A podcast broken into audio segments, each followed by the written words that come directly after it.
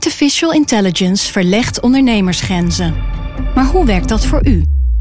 Als transformatiepartner helpt Capgemini u kansen te ontdekken en benutten, zodat we uw ideeën tot leven brengen. Vorm uw eigen mogelijkheden met generative AI. Ontdek meer op capgemini.nl/slash AI. Capgemini. Get the future you want.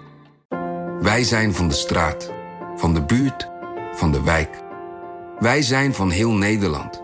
Samen zorgen we voor vrolijkheid, verbinding, feest. Samen brengen we in één jaar tijd 349 miljoen euro bij elkaar.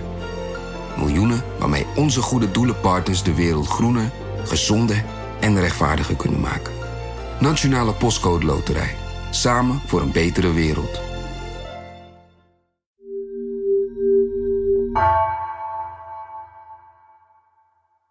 Voordat je naar deze aflevering gaat luisteren, nog even dit. Team Haagse Zaken heeft besloten de hele zomer bij je te blijven. Om dat te kunnen doen en zelf ook nog wel een beetje bij te kunnen komen in het uh, zomerreces, zijn sommige afleveringen midden juli opgenomen. Met het risico, dat wisten we, dat de actualiteit ons in zou halen. En dat is nu gebeurd. Neem niet weg dat deze aflevering nog steeds te beluisteren is. En ook zeker het luisteren waard is. Maar voor de laatste update verwijs ik je naar nrc.nl.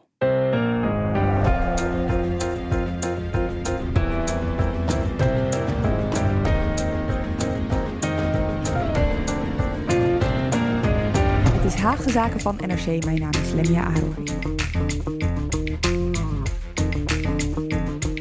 19 fracties stelt de Tweede Kamer nu. En de afsplitsingen daar gelaten zijn er na de verkiezingen vier nieuwe partijen het parlement ingekozen. BBB, Ja21, Bijeen en Volt.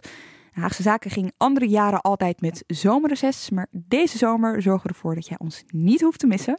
Dus bespreken we deze vier nieuwe partijen. Vorige week waren dat de Ja21 en BBB.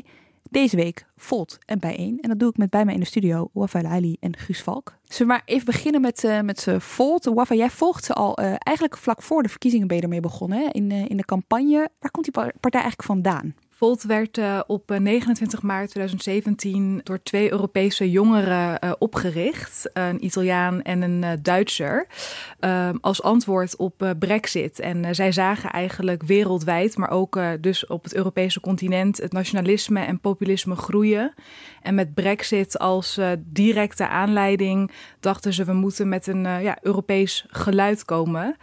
En ja, in dat jaar, in 2017, uh, zijn ze dus met een pan-Europese beweging uh, gekomen.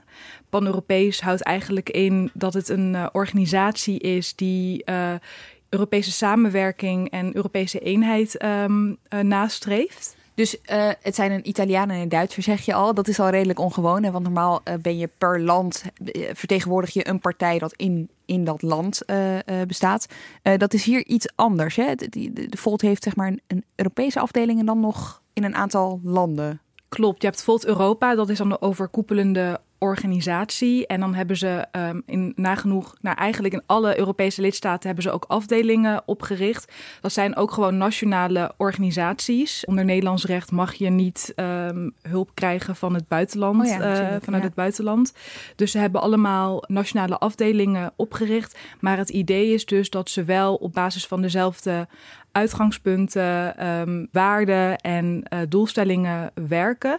Wat ze eigenlijk willen bereiken is dus in zoveel mogelijk uh, lidstaten in het bestuur komen. Of dat nou lokaal, provinciaal uh, of nationaal is.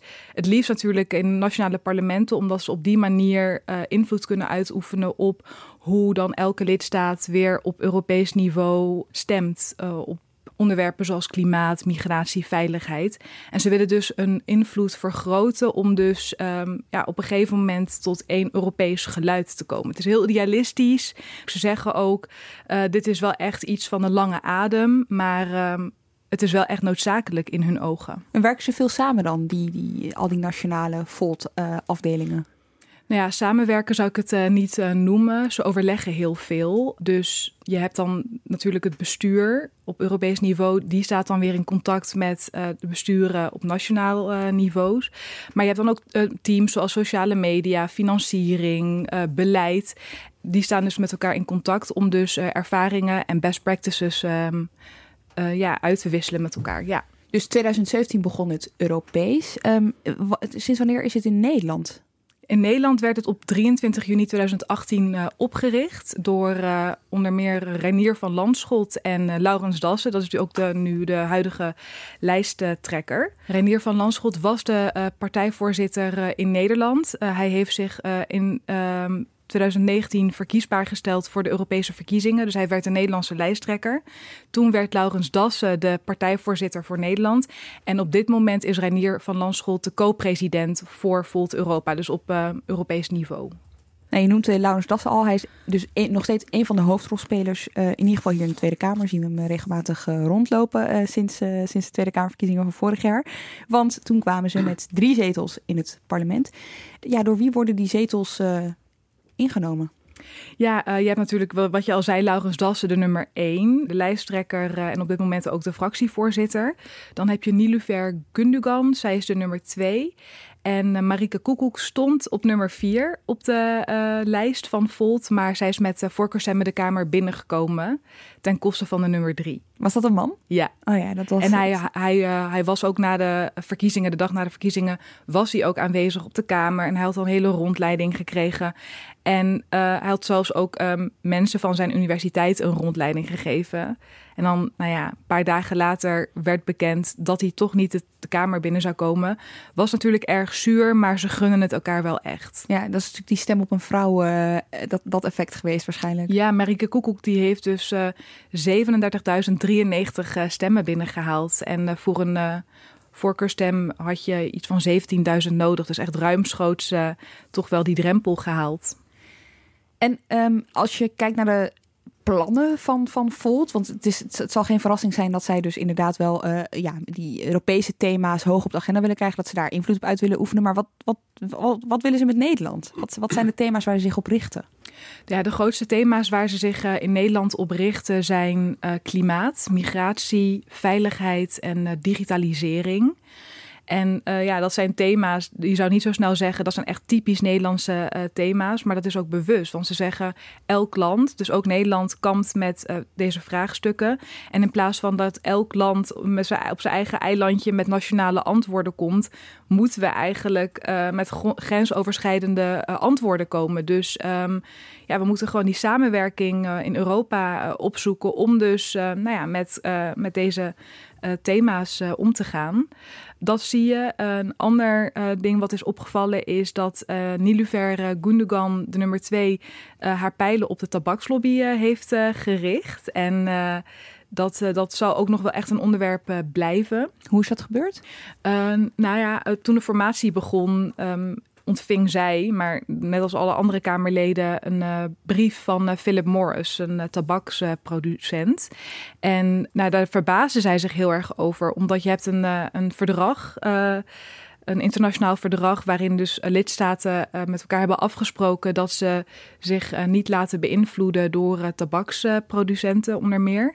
Um, en zij had iets van, nou ja, wat Philip Morris nu doet, gaat tegen dit verdrag in. En dat heeft ze allemaal laten nazoeken. En uiteindelijk uh, was het antwoord van het presidium, dus het bestuur van de Tweede Kamer, dat uh, Philip Morris het wel degelijk uh, mag doen, omdat het verdrag alleen toeziet op um, nou ja, bewindspersonen. En uh, Philip Morris zelf zegt ook, nou ja, wij beïnvloeden jullie niet, wij informeren jullie alleen maar. Ja, het is wel, het is wel een typisch iets van een nieuw Kamerlid, hè, van geluid van buiten. Dat is, ik bedoel, alle Kamerleden krijgen dit soort brieven en denken misschien wel, ja, die leggen we even op de stapel. Maar dit is er dan één, dus dit is dan iemand die denkt, ja, wacht eens even, mag dit wel? Ja, inderdaad. En zij heeft uh, daar ook uh, bij bureau wetgeving uh, um, de vraag neergelegd. Daar is geen antwoord op gekomen. En toen, had, toen had ze bedacht, nou ja, dan ga ik met een motie komen. De Kamer gehoord de beraadslaging, constaterende dat Nederland een van de partijen is dat het internationale verdrag WHO-FCTC heeft ondertekend. Constaterende dat dan wil ik dat de Tweede Kamer met een antwoord komt. En in die motie um, vroeg ze eigenlijk om, nou ja, wij als Tweede Kamer willen dus uh, uh, geen brieven of welke andere communicatie dan ook van tabaksproducenten krijgen. Het leek erop dat ze een meerderheid zou krijgen. Uiteindelijk besloot um, CDA zich op het allerlaatste moment toch ja, terug te trekken en stemde tegen die motie. Dat was een grote teleurstelling voor Volt en andere fracties die, die achter het idee van de motie staan. En Gundogan heeft ook gezegd, nou ja, hier stoppen we niet mee. We gaan, we gaan gewoon door met nou ja, dit weren uit de Kamer. Het was wel een, het, het, het, was een stunt, hè, had ik het gevoel, van haar om, om dit op de agenda te zetten, die, die tabakslobby. Ik vroeg me wel af, ik, ik, las ook het commentaar dat de NRC uh, eh, hierover schreef. Een soort van eigenlijk, nou gelukkig maar dat deze motie is verworpen. Uh, ik lees even één zin voor. Het is verleidelijk om voor dit initiatief het modieuze begrip cancelen te gebruiken. Maar het lijkt erop dat hiertoe een poging werd gedaan. Het, het raakt natuurlijk wel aan een. Aan, uh, ja, het raakt aan vrijheid van meningsuiting. Het raakt ook aan de vraag: moet de Kamer zichzelf wel afsluiten voor geluiden van buitenaf? Hè? Er, er werden best wel fundamentele vragen kon je hierbij stellen. Waarbij je die verder gaan dan alleen is roken goed of niet? Ja. En, is de rooklobby te sterk? Um, dus ik vond het best een interessante kwestie eigenlijk. Het gaat ook over contact met volksvertegenwoordigers en wie mag dat wel en wie ja. niet. Oké, dit was een, een, een, een hoe zou ik het zeggen, een, een van de onderwerpen die zij, die zij probeerde te agenderen. Even verder met dat programma, want ze worden heel vaak vergeleken met D66. Is dat terecht? Het is begrijpelijk dat, uh, dat een vergelijking met D66 snel is gemaakt. Omdat uh, voordat Volt uh, op, het, op de politieke arena hier in Nederland kwam, stond D66 best wel bekend als een euro-file ja, of een euro-gecentreerde partij.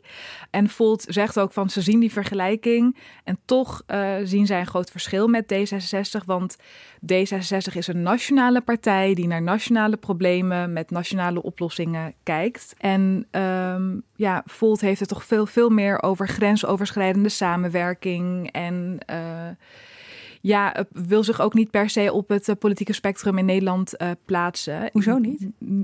Nou ja, omdat ze het heel beperkt vinden. Van, nou ja, ze hebben niet, zeg maar, als je zou zeggen, wij zijn een linkse partij, dan zou je eigenlijk voor alle onderwerpen een links antwoord moeten hebben. En zij zijn ja, best wel pragmatisch ingesteld. Zullen we ons gewoon een paar uh, thema's langs gaan, dan kijken hoe ze zich daar positioneren? Uh, onderwijs bijvoorbeeld ja, voor het onderwijs willen ze bijvoorbeeld het collegegeld uh, ja, op, het, uh, op universiteiten afschaffen. En dat eigenlijk alle studenten weer uh, toegang krijgen tot een basisbeurs. Nou, dat zou je best wel een links standpunt kunnen noemen. Omdat nou ja, de basisbeurs is een aantal jaren geleden afgeschaft. En nu, nu willen voornamelijk ja, linkse partijen dat het weer wordt ingevoerd. Dat, um, omdat dat ze niet tevreden zijn met het leenstelsel. En als we het hebben over migratie, uh, willen ze dus, pleiten ze voor een, uh, nou ja, een efficiënt en een menselijk uh, vluchtelingenbeleid op Europees niveau. En van Nederland verwachten ze dat, dat, dat die 500 kinderen uit het vluchtelingenkamp in Griekenland, Moria, onmiddellijk onderdak krijgen. En dat is ja, nou, zoals we allemaal weten, een heel gevoelig punt geweest. En uh, nou ja, het feit dat Volt dus zegt, die 500 kinderen moeten naar Nederland worden gehaald, kan ook als een uh, linksstandpunt worden uitgelegd.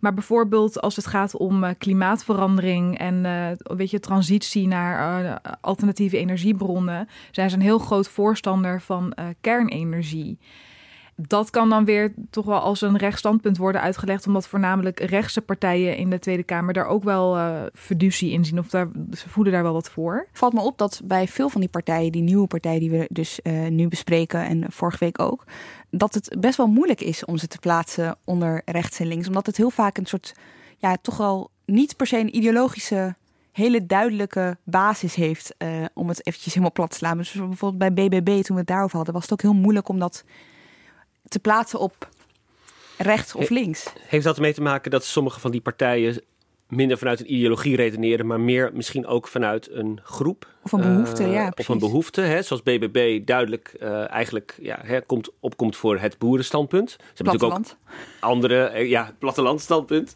Niet randstedelijk, het, niet, het niet stedelijke in ieder geval. kan je dat van heel veel andere nieuwkomers ook wel ja. zeggen? Uh, dat ze veel meer. Hè, kijk, het CDA uh, staat in de traditie van de christendemocratie. De PvdA in de traditie van de sociaaldemocratie. De VVD in de traditie van het liberalisme. Maar uh, bij Volt, bij 1, BBB um, ligt dat anders. Ja, um, en, en de, die ontstaansgeschiedenis is ook anders. Want je ziet bijvoorbeeld bij de VVD dat ze zich langzaam wel op sommige terreinen dus aan het bewegen zijn. Dus van hun klassieke standpunten aan het bewegen mm -hmm. zijn naar nou ja, wat wij dan klassiek naar het midden zouden noemen. Of een paar stappen naar links. Het is maar hoe je het wil interpreteren. Maar die nieuwe partijen die hoeven dat niet te doen. Want die ontstaan al uit een soort van allerlei verschillende ideeën. Die allerlei verschillende kanten vertegenwoordigen. Ja, en ik denk dat, dat uh, waar die traditionele partijen, uh, hoe die verschuiven, dat het vaak te maken heeft met dat ze uh, zeg maar de nieuwe omstandigheden toetsen aan hun oude beginselen. Ja. Dus dat ze zeggen, ja, is het nou, is het eigenlijk wel liberaal wat wij al die tijd hebben gezegd over onderwerp X? Nee, je kan het ook redeneren dat het zo en zo moet, als je, de, als je onze beginselen er nog eens bijpakt. Dus dat is een heel andere manier van, van politiek bedrijven of naar politiek kijken dan, dan die nieuwkomers ja. doen. Die niet net die, die, die, die, ja, soms eeuwenlange traditie met zich meezeulen. Ja. Dus daar, daar zit wel een groot verschil, denk ik. Ja. Uh, Uefa, jij bent in aanloop naar, of ter voorbereiding van deze podcast gaan praten hè, met de drie uh, Kamerleden om te kijken hoe is het nou om uh, hier terecht te komen? Uh, hoe is het na vier maanden? Um, wat, wat, wat hoorde je van ze? Hoe, hoe, hoe hebben ze dat beleefd? Nou, wat ik in elk geval van alle drie heb gehoord, is dat ze het enorm naar hun zin hebben in de Tweede Kamer. En um, ja, dat is alle, alleszins toch wel eens meegevallen. Ja, los van de heel lange dagen die je maakt als uh, Kamerlid. Maar dat, dat, dat hadden ze al wel verwacht wat ik ook al zei, uh, Marike Koekoek, uh, die had dus ook wel uh, aangegeven van dat ook de sfeer in de Tweede Kamer, ze had toch wel verwacht dat het veel, um, nou ja, veel giftiger zou zijn en dat elke fractie toch echt een eiland is, maar nou, niks van dat. En dat, dat, dat zien ze dan ook vooral in de commissievergaderingen.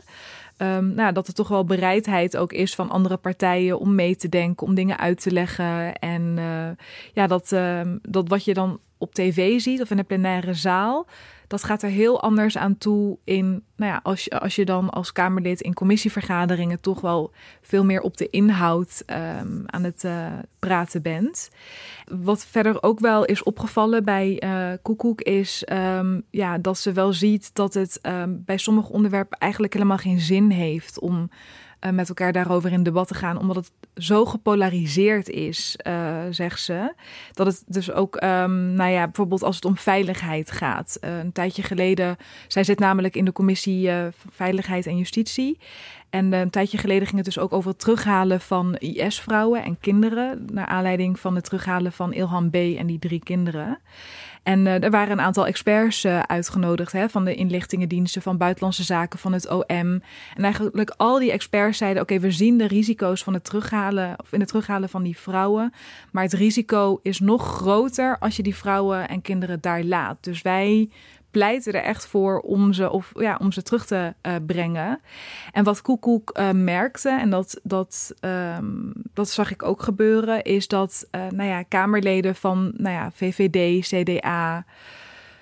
noem maar op, weet je, die, die horen dat allemaal wel. En, maar als ze dan eenmaal in, in de Tweede Kamer daarover gaan debatteren, dan, dan gaan ze, trekken ze ze helemaal weer in het partijstandpunt. En wat Volt dus eigenlijk uh, zegt is: ja, wij willen toch echt luisteren naar deskundigen en niet constant, weet je wel. Um, in die stuiptrekking um, belanden van hey, uh, politiek komt het niet zo goed uit. Het is niet een heel populair standpunt, dus. Maar de vraag is of, of dat ook zo is als het gaat, als die experts wat anders adviseren dan wat zij vinden, natuurlijk. Want als dit in hun straatje past, weet je wel, dan kan ik me voorstellen dat ze, dat ze dit zegt. Maar het is wel interessant om in de gaten te houden of dit standpunt uh, net zo hard klinkt als uh, experts uh, bijvoorbeeld iets zouden zeggen over Europees klimaatbeleid, waar dat totaal indruist tegen hun eigen standpunt. Hoe gaan ze eigenlijk om met onderwerpen die je helemaal niet Europees kan aanpakken? Negeren ze die of hoe, hoe toetsen ze dat? Ja, dat heb ik ze ook gevraagd. ze zeggen daarover inderdaad, niet elk onderwerp heeft een Europees tintje of behoeft een Europees antwoord. Maar Europa is ook niet het einddoel voor hun. ze zien het meer als een middel. Dus waar Europa um, uh, ja, een steentje kan bijdragen, uh, pleiten ze daarvoor. Maar het is niet inderdaad, ze, sluiten hun ogen niet voor uh, onderwerpen die, die geen Europees tintje krijgen. En verder um, Europa is dus ook niet heilig. Zij zien ook wel de tekortkomingen van het Europese project. En zij pleiten ook voor um, ja, een meer democratisch Europa. Dus um, je hebt dan iets als het Europees Parlement. Dat is, uh, nou ja, in hun ogen nog niet volledig democratisch, omdat je als Nederlander alleen maar op Nederlandse kandidaten kan stemmen. Um, en ze willen ook dat uh, het Europees Parlement veel meer invloed krijgt dan een Europese Commissie die indirect wordt gekozen. ja, dus ze zien ook wel veel ruimte voor hervormingen. Wat me nog wel opvalt hè, bij uh, zo'n nieuwe partij is dat uh, Laurens Dassen, die is dus partijleider, uh, fractievoorzitter, die is best wel onzichtbaar. Mm -hmm. ik merk het ook wel in dit gesprek. We hebben het vaker over de nummer twee, Gundogan. die heeft een heel duidelijk profiel op sociale media. In de Kamer zoekt ze heel, een heel duidelijk profiel. Nou, dat voorbeeld dat we net noemden met die tabakslobby ja. speelt er. Ik, ik vraag me af, gaat dat, speelt dat nog een rol? Wordt dat nog ingewikkeld?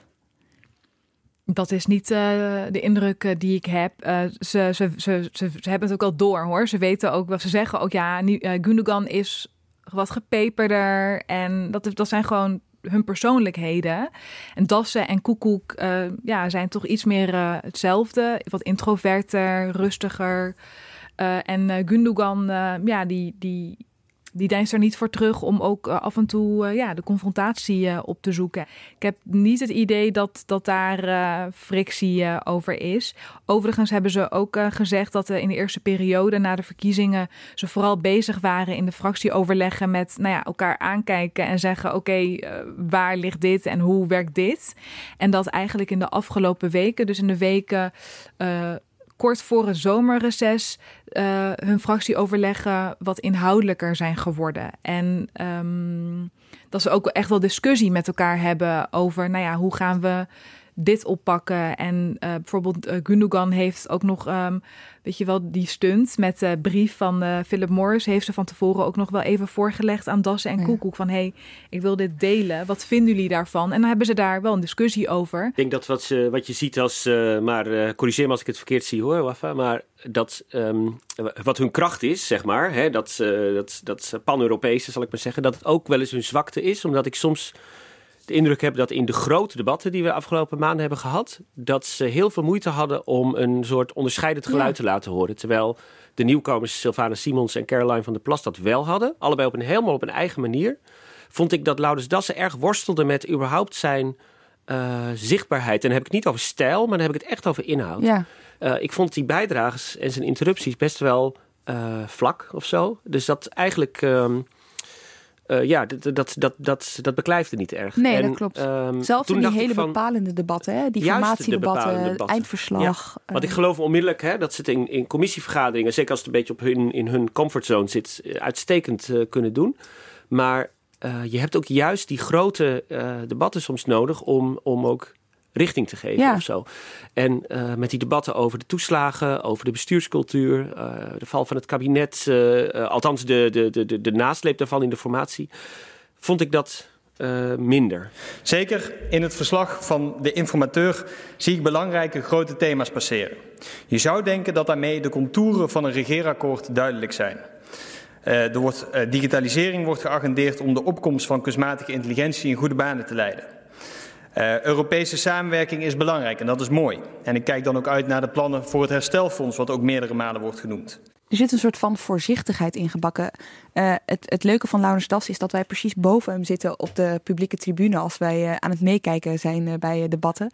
Je merkt ook dat hij, um, ja, dat hij nog een beetje aan het oefenen is. Bijna letterlijk zie je dat af en toe. Weet je wel? Dus dan heeft hij iets opgeschreven op een kaartje. Dan wil hij volgens mij een interruptie plegen. Dan zie je dat hij gaat opstaan. Dan legt hij toch het kaartje weg. Want dan wil hij het uit zijn hoofd doen. Loopt hij toch weer even terug. Pakt hij dat kaartje toch weer. Weet je wel? Dus je ziet ook een soort van nieuwigheid die hij niet heel snel van zich af heeft weten te schudden. Tenminste, zo komt het bij mij over. Inderdaad vlak, maar ook ja. Um, ja, niet iemand die heel erg met de vuist op tafel slaat of uh, die zegt uh, wij staan er zo in. Of uh, die zijn weet je wat, wat andere nieuwe partijen vaak deden de afgelopen tijd, ook hun verbazing laten merken mm -hmm. van gaat dit er zo aan toe hier? Hij, dat, dat wil nog niet echt lukken. En vandaar dat het dus interessant is dat de nummer twee zich wel zo duidelijk profileert. ja, dat kan natuurlijk op een gegeven moment elkaar een beetje in de weg gaan zitten of zo. Dat zou kunnen, ja, zeker. Nou komen er gemeenteraadsverkiezingen aan. over, wat is het, acht maanden? Gaan ze meedoen? Ja, ze gaan uh, zeker meedoen. Ze zijn nu ook uh, bezig met het uh, trainen van zo'n 100 mensen die mogelijk zich verkiesbaar gaan stellen voor de gemeenteraadsverkiezingen. En overigens heeft Volt ook in andere Europese lidstaten ook al meegedaan hè, met lokale verkiezingen, zoals in Duitsland, Duitsland, Bulgarije, um, Italië, als ik het uh, goed heb. Um, en ze zijn in Duitsland sowieso uh, al wel in een aantal lokale besturen um, vertegenwoordigd. En uh, er is één Europarlementariër namens Volt. en dat, was, dat, dat is een Duitser. Die, die, heeft, die was de li lijsttrekker tijdens de Europese verkiezingen namens Duitsland. ja, en die zit nu dus in het Europees Parlement. En hij is aangesloten bij de fractie De Groenen. En um, Clara van der Wiel, uh, onze correspondent in uh, Brussel, heeft mij ook uh, verteld ja, dat hij het best wel goed doet. En dat hij in zijn bijdrages zich vooral focust op het onderwerp digitalisering. Oké, dan gaan we van Volt door naar. ja, ik denk dat we dit, deze partij toch wel gewoon klassiek links kunnen noemen, toch, Guus, bij één? Zeker. Ja, absoluut. Okay. Goed. um, zij zetten zich, zij zijn een, een linkse partij, zetten zich ook wel echt af tegen linkse partij. Kun, kun je ze plaatsen? Als we het waar staan zij ongeveer? Ja, uh, ik denk waar je B1 uh, kan plaatsen is echt aan de, aan de linkerkant van het linkse spectrum. Ja. Um, uh, een partij die ook is opgekomen uit een soort kritiek op links eigenlijk. Um, omdat zij zeggen ons bestaansrecht is dat, dat wij opkomen voor waar de andere linkse partijen het laten afweten. Um, Je hebt wel eens gezegd dat B1 voortkomt uit het falen van de Nederlandse sociaaldemocratie. Ja, dat is een interessante uh, toespraak die Sylvana Simons heeft gehouden in 2019. Toen, uh, dat was, uh, als ik het goed heb, op het congres van de jonge socialisten. Waar ze, waar ze dit punt dus heel erg maakte. Ze zei van, luister, sociaaldemocraten... Um, jullie, zijn, jullie hebben een traditie van 125 jaar. Jullie kwamen op voor de, uh, voor de, voor de arbeider, voor een radicale herverdeling van, uh, van, uh, van middelen, voor de verzorgingsstaat, vadertje Drees. En dat hebben jullie allemaal in, de, in de jaren 80, 90 laten vallen. Toen jullie kozen voor het neoliberalisme, toen jullie zijn gaan regeren in paars. Jullie hebben eigenlijk al jullie principes verlogend. Uh, en wat ze dus eigenlijk deed daar, vond ik wel interessant, was dat ze zich plaatste in de sociaal-democratische traditie. En uh, ze zei: wat wij eigenlijk doen is de continuïteit garanderen tussen, tussen toen, de 19e eeuw en nu. Dus, dus in het bestaan van bijeen zit heel erg de, de notie dat zij dus niet zozeer nieuwkomer zijn, maar eigenlijk ja, iets doen wat andere linkspartijen nalaten. Maar ze gaat daarin wel verder dan de sociaaldemocratie, toch? Zeker als je, de, ehm, als je naar het eh, programma kijkt bijvoorbeeld. Maar ook als je naar, hè, naar, naar hun optredens kijkt, naar, naar, uh, met name van Sylvana Simons. Zie je dat zij, uh, waar je hen eigenlijk moet ehm, plaatsen, is dat zij zijn voor intersectionaliteit. Nou, wat is dat? Dat betekent dat zij niet voor één belang opkomen. Dus dat ze niet zeggen van wij zijn de partij tegen klimaatverandering. Of wij zijn de partij voor de verzorgingsstaat. Dat is juist de kritiek die ze hebben op linkse partijen. Nee, ze zeggen alles hangt met elkaar samen. Dus uh, uh, je moet wel zeg maar, tegen klimaatverandering zijn om ook ervoor te zorgen dat er uh, eerlijke verdeling is tussen arm en rijk. Of dat er uh, om racisme te bestrijden. Zo hangt alles met elkaar samen. Want ook in zeg maar, de effecten van klimaatverandering zit een racistische component. In de zin van dat, dat, dat bijvoorbeeld mensen van kleur sneller daar het slachtoffer van zullen worden. Van de gevolgen daarvan. Dus zij benadrukken altijd heel erg, en dat doet Sylvana Simons ook consequent in haar optredens in de Tweede Kamer. En zijn niet enkel de ouders van het toeslagenschandaal waarover het eigenlijk gaat vandaag. Het zijn de gedupeerden van de aardbevingen in Groningen. En het is een ieder die slachtoffer werd van institutioneel racisme bij de politie, DND, het UWV. Eigenlijk zo'n beetje elke uh, uitvoeringsinstantie die we in Nederland kennen. Het is het verdubbelde aantal daklozen sinds het aantreden van Mark Rutte. Het zijn de jongeren die de jeugdzorg verder kapot zagen gaan. De ouderen die al tien jaar wachten op een eerlijk pensioen. Al die mensen die omkomen in de zorgkosten. Uh, dat alles met elkaar samenhangt. En dat je dus niet één onderwerp eruit kan pikken en zeggen daar gaan we voor. En dat is ook wel, denk ik, de kern van hun kritiek op links. Uh, dat, ze, dat ze laten merken van ja, luister, de SP is er voor de, hè, voor de witte arbeider bij wijze spreken. De PvdA is er voor, uh, voor de verzorgingsstaat. Maar, maar wie komt er voor iedereen en alles op? En dat is wat zij dan willen, voor iedereen en alles opkomen. Nou ja, niet voor iedereen en alles, want uh, er, zit, uh, er, zit duidelijk, uh, er zit duidelijk een soort systeemkritiek in. En er zijn natuurlijk ook mensen die, die, waar ze zich juist tegen richten.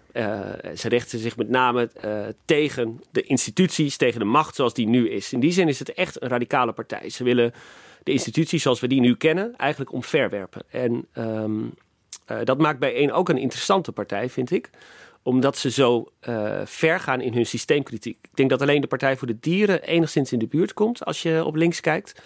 Ehm, dat is ook een partij die zegt: luister, om klimaatbeleid en, en, en de bio-industrie radicaal te voeren, moet je wel af van alles wat we nu hebben. maar die richt zich met name daarop. bij richt zich overal op. En dat maakt ze echt een radicale partij. En kun je dat eens concreet maken als je het zegt over het, omverwerpen van, van instituties? Waar, waar, wat, Waar, waar, waar heb je dan bijvoorbeeld over? Nou, laten we eerst naar het verkiezingsprogramma kijken. Daar, uh, daar zie je dat ze heel kritiek hebben op het functioneren van de overheid als geheel. En dat ze zeggen van er is uh, racisme binnen, uh, binnen alle um, geledingen van de overheid. Dat is ingecijpeld door, door ja, eigenlijk een, een, een, een, weef, een kapitalistische weeffout, zeg maar, die er in, in het in het, in het bestuur is gekropen. Dus wat zij willen is bijvoorbeeld uh, racisme in, uh, in de overheid uh, volledig onderzoeken. Bijvoorbeeld. Dat, is, dat is één ding wat ze, wat ze willen. Um, zij willen de relatie met, met um, het Caribisch deel van het Koninkrijk bijvoorbeeld volledig decoloniseren, zoals ze dat noemen. Met andere woorden, volledig af van de, van de afhankelijkheid die de eilanden hebben van Nederland. Ze willen, ze willen het minimumloon verhogen. Um, ze willen een, af van, een, van de, zeg de vercommercialisering in de zorg. Dus we een nationaal zorgfonds in plaats van een, um, van, van een, van een uh, privaat stelsel zoals we dat nu hebben. Dat zijn zeg maar de, de concrete uitingen die, uh, die, die, die je zeg maar eraan kan, kan verbinden. Um, maar het, het, de, in de kern zit er iets anders achter. En dat is dat ze uh, eigenlijk helemaal af willen van, van de afhankelijkheid die we hebben van het bedrijfsleven. Er zitten een paar interessante denkers achter, achter bijeen. eentje is vrij bekend, Gloria Wekker, ja. antropoloog, die veel heeft geschreven over racisme in de, in de samenleving. de ander dat is Willem Schinkel. Hij is hoogleraar aan de Erasmus Universiteit in, in Rotterdam. En hij is ja, eigenlijk bekend, misschien nog wat bekendst geworden um, van het boek De Theorie van de Kraal. Heeft hij samen met Rogier van Rekem geschreven. En dat is eigenlijk een afrekening met wat zij dan de moderne liberale orde noemen. Waarin alles is gericht op kapitaalvermeerdering. En dan eigenlijk alleen maar kapitaalvermeerdering voor de allerrijkste. Dus naar hun mening, en, en dat, daar heb ik het ook lang met Willem Schinkel over gehad. Functioneert de samenleving alleen maar als een middel om een kleine groep mensen rijk te maken alles, zeg maar, uh, ook het, het politieke debat in Nederland is daarop gericht. Dus ze vinden ook, dus ze verwerpen ook eigenlijk de, uh, bij bijeen de, de, de, de, Tweede Kamer zoals die op dit moment functioneert. Dus ze zijn daar heel, um, ze gaan daar heel ver in hoe, dan? Een... Hoe, hoe, verwerpen ze de, de, Tweede Kamer hoe die nu functioneert? Als in, vinden ze het niet werken of vinden ze dat het ten dienste staan, staat aan dat grootkapitaal? Dus? Ja, er wordt als het ware, zeggen ze, een, uh, een soort van... Er worden neptegenstellingen. Uh, er zijn neptegenstellingen, want ze, ze functioneren allemaal binnen, de, binnen dezelfde neoliberale context. Hè, er zijn natuurlijk wel verschillen van mening, maar die zijn heel klein. En die worden heel groot gemaakt als een soort, uh, om, om, om een soort van legitimatie te geven aan de parlementaire democratie. Um, maar het klinkt bijna als een soort nepparlement, waar wat de woorden die we kennen van Geert ja, Wilders. Ja, in dat opzicht, uh, uh, ja, inderdaad. Ja, ik, zal een, uh, ik zal een stukje voorlezen wat Schinkel voorlas, wat hij zelf zei op het bijeencongres. Laten we niet naar Den Haag gaan om te babbelen, maar om te bevrijden. Niet voor het besturen, zelfs niet voor het bijsturen, maar voor het bijeenkomen. Niet om te regeren, maar om te irriteren. Niet voor de macht, maar tegen de macht. Niet om aan de macht te komen, maar om van de macht af te komen daar zit een. Uh, uh, kijk, ze zijn nu natuurlijk een, fractie in de Tweede Kamer. Hè? Ze, ze, zijn nu. Uh, ze, ze, ze, functioneren natuurlijk wel binnen het stelsel. Maar in de kern ehm, verwerpen ze zeg maar, het systeem zoals het nu functioneert. En um, je noemde net een paar punten uit het programma. Hè? Eh, eh, toen, toen dat programma net naar buiten kwam, toen hoorde je in eh, sommige kritieken van hey, dit is bijna communistisch, doet dit aan met onteigeningsplannen. En, uh, ja, ze willen bijvoorbeeld Shell onteigenen. Ja. Precies, ja. precies. Uh, kijken ze daar zelf ook zo naar of zien ze dat niet zo? Nee, communist, communistisch noemen ze zichzelf niet, maar wel anticapitalistisch. Dat is, dat is denk ik wat, uh, wat is ieder, nou ja, wat, wat, wat iedereen bij bijeen meteen zal, zal beamen. Um, het is natuurlijk ook, hè, het communisme uh, zullen ze ook, denk ik, te veel zien als, een, uh, als, als, als te weinig intersectioneel, zal ik maar zeggen. Ja, ja, ja. ja. Uh, dus, dus, dus je moet niet vergeten dat het ook een partij is die zich ook erg echt richt op uh, antiracisme bijvoorbeeld. Um, en, en, ja, dat is in het traditionele communisme natuurlijk veel minder een, uh, een, een, een ding. Geweest, ja. Dus, uh, maar het is, het is wel. Um, het is wel interessant hoe dat zich uit, uitwerkt in de praktijk. bijvoorbeeld in de kritiek op het coronabeleid. Dat, ehm, ik las een interview met Schinkel in, Willem Schinkel in Trouw, waarin hij het heeft over necropolitiek. En hij heeft ook een boek geschreven dat heet Pandemocratie, waarin hij ook dit, dit concept zeg maar uitwerkt. Um, en waarin hij eigenlijk zegt van het coronabeleid van de regering is heel erg eigenlijk bedoeld om het kapitalisme in stand te houden. En daar betalen wij als samenleving de prijs voor. Dus burgers worden daar, worden daar het slachtoffer van. En um, hij ergert zich ook, vertelde hij toen in, in dat interview aan de manier waarop uh, ook media, maar ook politici over bijvoorbeeld railschoppers schreven. Dus mensen die bijvoorbeeld bij die, bij die avondklok in, in opstand kwamen. Um, dat noemde hij burgerlijk om dat te veroordelen. Omdat hij vond van dat is ook een. dat zijn mensen die doorhebben dat ze uh, genaaid worden. Die, um, uh, die, die zien dat ze ergens het slachtoffer van zijn en dat weliswaar op primitieve wijze uiten, maar wel, uh, met, maar wel een legitiem sentiment hebben dat element zit er dus ook in bij, uh, bij BN. Dat is erg interessant. En je noemde net al eventjes het antiracisme. Ik dacht dat, het, dat zij geboren waren eigenlijk uit dat uh, antiracisme debat dat was ontstaan. Uh, maar als ik jou zo hoor, dan zit er ook een soort van anticapitalistische idealen zitten erin. Of in ieder geval de motivatie komt ook daar vandaan. Ja. Maar um, is, het, is het allebei? Of, of was antiracisme zeg maar het startpunt nou ja, uh, bij een even een kleine geschiedenisles. Zeg maar. Uh, Sylvana Simons, die, die mensen van mijn generatie nog kennen als VJ van TMF. Ja. van Surinaamse afkomst. Ze is geboren in Suriname. Ehm, ze vertelt er ook over in haar maiden speech hoe haar eigen afkomst, hè, het feit dat de oma van haar moeder nog, nog als slavin te werk werd gesteld in destijds gekoloniseerd Suriname, hoe dat haar ook vormde als uh, als mens, als politicus ook later. Voorzitter, het is mijn medespeech, staat in mij toe een persoonlijke noot toe te voegen. Want voor u staat een trotse vrouw. Een vrouw die al heel veel overwon in het leven. Geboren in de kolonie, waar de oma van mijn moeder nog als slavin te werk gesteld werd. En dan de grote oversteek als dreumes naar een moederland, waar, waar ik er ondanks mijn bij geboorte gegeven Nederlandse paspoort toch nooit helemaal bij schijn te horen antiracisme is, is zeker de kern van de zaak voor haar. Uh, ze heeft de partij, uh, of ze, ze, werd politiek actief en belandde uh, alweer een jaar vijf, zes geleden bij Denk. We kennen haar nog allemaal van dat filmpje Trap er niet Trap in. er niet in, precies. Over de vierde macht. En die vierde macht, dat is de media. Zij handelen als poortwachters voor de gevestigde orde en bepalen daardoor voor een groot deel wat jij en ik als waarheid voorgeschoteld krijgen. Dit heeft verstrekkende gevolgen. Dat was het, uh, het, het, filmpje met, uh, met uh, het toen driemanschap van Denk, inderdaad. maar dat was maar een kort leven beschoren. Ze heeft er maar een half jaar bij gezeten. Deel daarvan, deel van het probleem was, ehm, ten eerste, zij werd ernstig bedreigd op dat moment en vond dat ze te weinig steun kreeg vanuit Denk om, nou ja, om, om, om daarmee om te gaan. Maar een ander probleem was, waar ze tegenaan liep, was dat Denk in de kern ook een cultureel conservatieve partij is die sterk, richt op, uh, op uh, niet-westerse migrantengemeenschappen. Maar, maar, in, um, uh, maar programmatisch en ook um, in, in, in uiting, zeg maar, ja, soms wel aan de, aan de conservatieve kant zit. Um, dus zij brak met Denk en richtte artikel 1 op. Die belandde in de gemeenteraad van Amsterdam. En dat was echt. op dat moment belandde dus inderdaad Sylvana Simons echt ook als, als anti-racisme politicus in de gemeenteraad.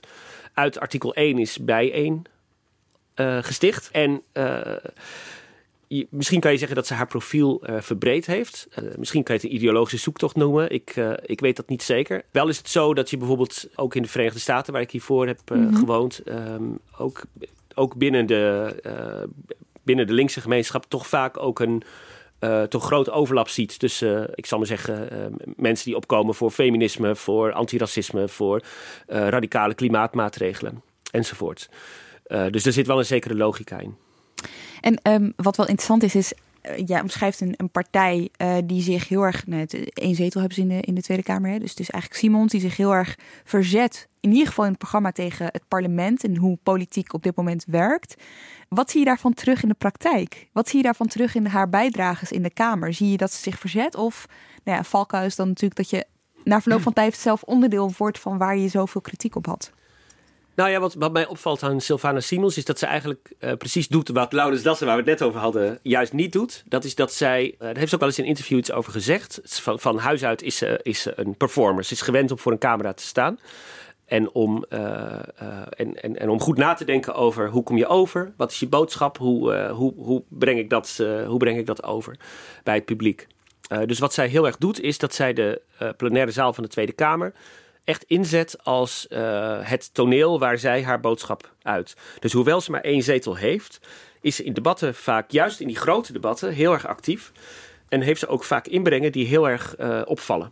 Uh, door, haar, door, door hoe ze het uitspreekt, maar ook door wat ze uitspreekt. Door, soms door haar interrupties. Het valt me bijvoorbeeld op dat haar interrupties met, met Mark Rutte altijd, altijd heel interessant zijn. Want op een of andere manier weet zij iets te, uh, Los te, maken. te kietelen bij, bij Rutte, waar hij, uh, waar hij toch ja, op een bepaalde manier slecht mee omgaat. En op een of andere manier uh, weet zij die ene zetel die ze heeft wel dus ja, in ieder geval optisch veel groter te maken. Ja, en hij, Rutte weet niet altijd inderdaad hoe hij daarmee om moet gaan. Er is één bepaald moment geweest waar ik even naar wil luisteren met jullie. Omdat er net even een som werd gemaakt over zoveel mensen hebben het gehaald, zoveel mensen zijn gevaccineerd, dus zoveel mensen zijn immuun. Wat, wat, doet u uh, geïrriteerd, mevrouw uh, Sorry, u denkt dat ik geïrriteerd ben? Ja, u, moet me, u moet me meemaken als ik geïrriteerd ben. Geen nou, dan ben ik heel benieuwd hoe u dan bent. ik probeer uw vraag gewoon netjes te beantwoorden. Uh... Ja, het viel me nog meer op tijdens het eerste coronadebat in het reces. En toen kwam uh, Sylvana Simons in botsing met Mark Rutte. En hij reageerde echt zo fel, samengevat in een paar fragmenten. Constaterende dat deze strategie de volksgezondheid ernstig heeft geschaad, meer dan 30.000 doden tot gevolg heeft gehad en potentieel honderden duizend Nederlanders langdurig ziek maakt. Dan kom ik bij motie 18, voorzitter. Daar wil ik iets langer bij stilstaan. Want woorden kunnen kwetsen. En wij zijn diep geraakt door deze motie. Uh, echt uh, emotioneel geraakt, alle drie. En ik vind ook in de relatie tussen Kamer en kabinet dat er grenzen zijn. En ik trek die hier. En als de heer Rutte uh, vindt het wil hebben over beschaving, en daarmee impliceert dat ik die zou ontberen, dan ben ik daardoor licht geraakt. Licht hoor, want ik, licht hoor, want ik ben niet heel snel geïrriteerd en dat weet meneer Rutte. Motie onbeschaafd. Dit doe je niet tussen fatsoenlijke mensen. Mevrouw Simons kan hier heel stoer staan te doen dat ze boute moties indient. Maar dat betekent nog niet dat die motie kan. Dit is een motie waarin geen onwaar woord staat. Sterker nog geen letter, sterker nog geen punt. Dank u wel. En de volgende keer, als, er weer, uh, als het er uh, weer op aankomt, dan zal ik weer zo'n motie indienen. Dank en dat vind ik niet stoer, dat vind ik verdrietig. Het niveau zinkt behoorlijk hier. Motie met 19 van Haga. Ja, daar zag je wat dat, uh, wat, wat dat doet bij, bij Rutte. Overigens vind ik het wel ook interessant hoe, uh, um, hoe vaker naar Sylvana Simons wordt verwezen met termen als boos en geïrriteerd. Ja. Uh, dat wil ik toch gewoon wel even benoemen. Dat, uh, dat, dat, dat verbaast me op zulke momenten wel een klein beetje. Terwijl zij zich daar juist heel erg van bewust is dat.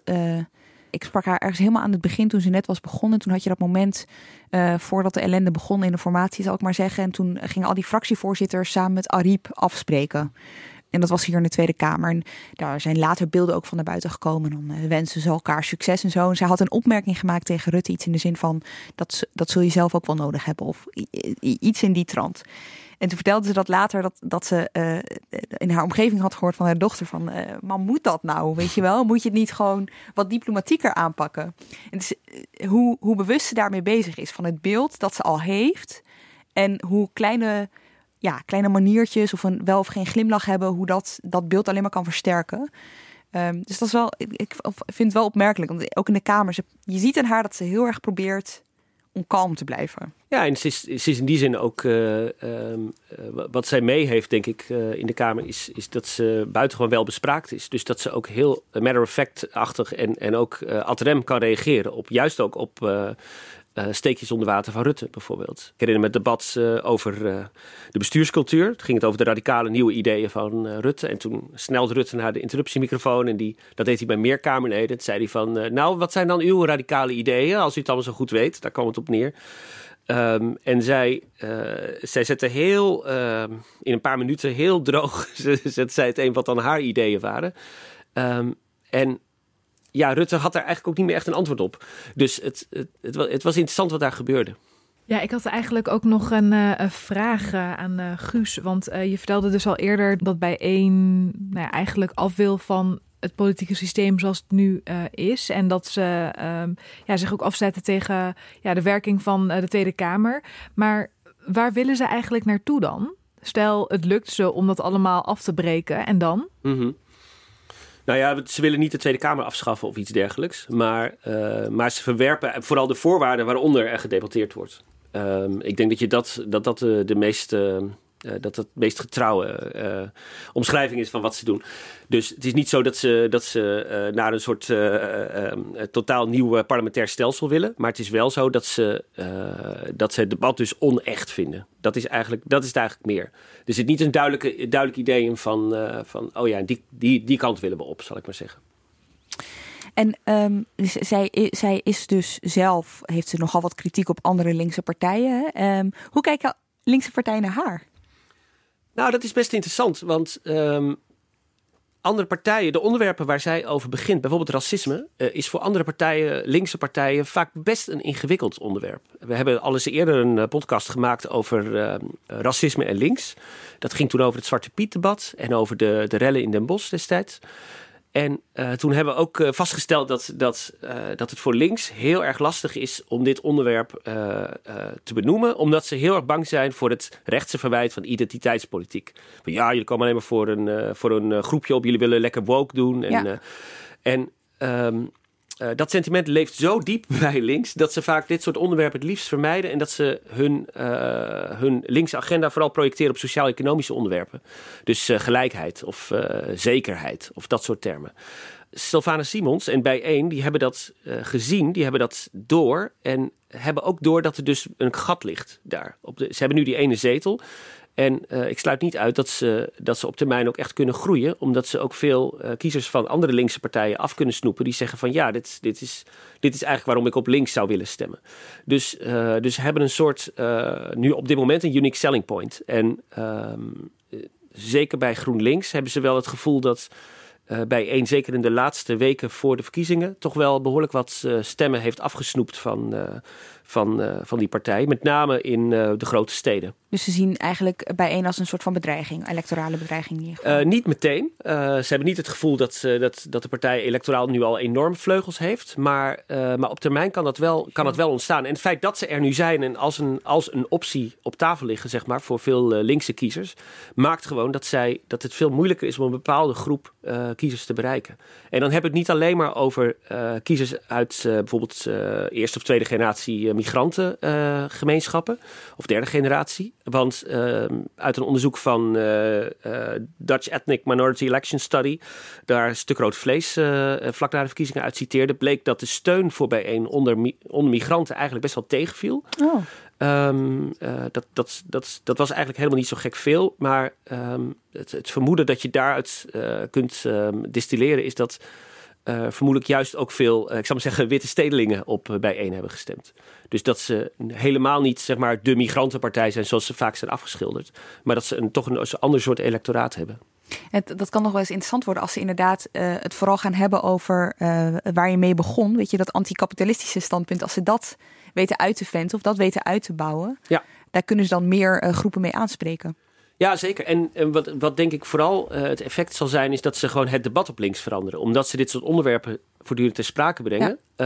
Uh, terwijl andere partijen dat op een gegeven moment uh, ja, een handig in zijn geworden om daar een beetje omheen te, ja.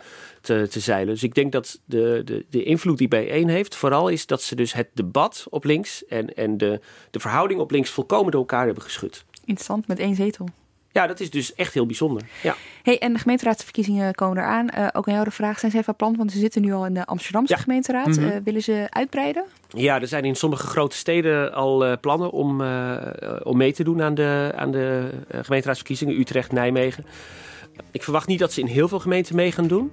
maar ze zijn daar nog een beetje zoekend naar. Ja, nou, we gaan het zien. Dank jullie wel allebei. Guus Valk, Wafail Ali.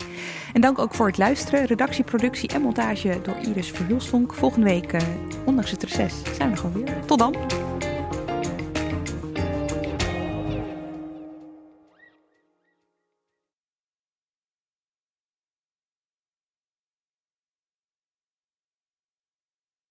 Ik ben al jaren ondernemer, maar Waar moet ik eigenlijk allemaal aan denken nu ik voor het eerst personeel wil aannemen, voor het eerst ga importeren of voor het eerst een bedrijfslocatie zoek? Weet wat je wel of niet moet doen bij zaken die je voor het eerst oppakt. Check kvk.nl voor praktische stappenplannen.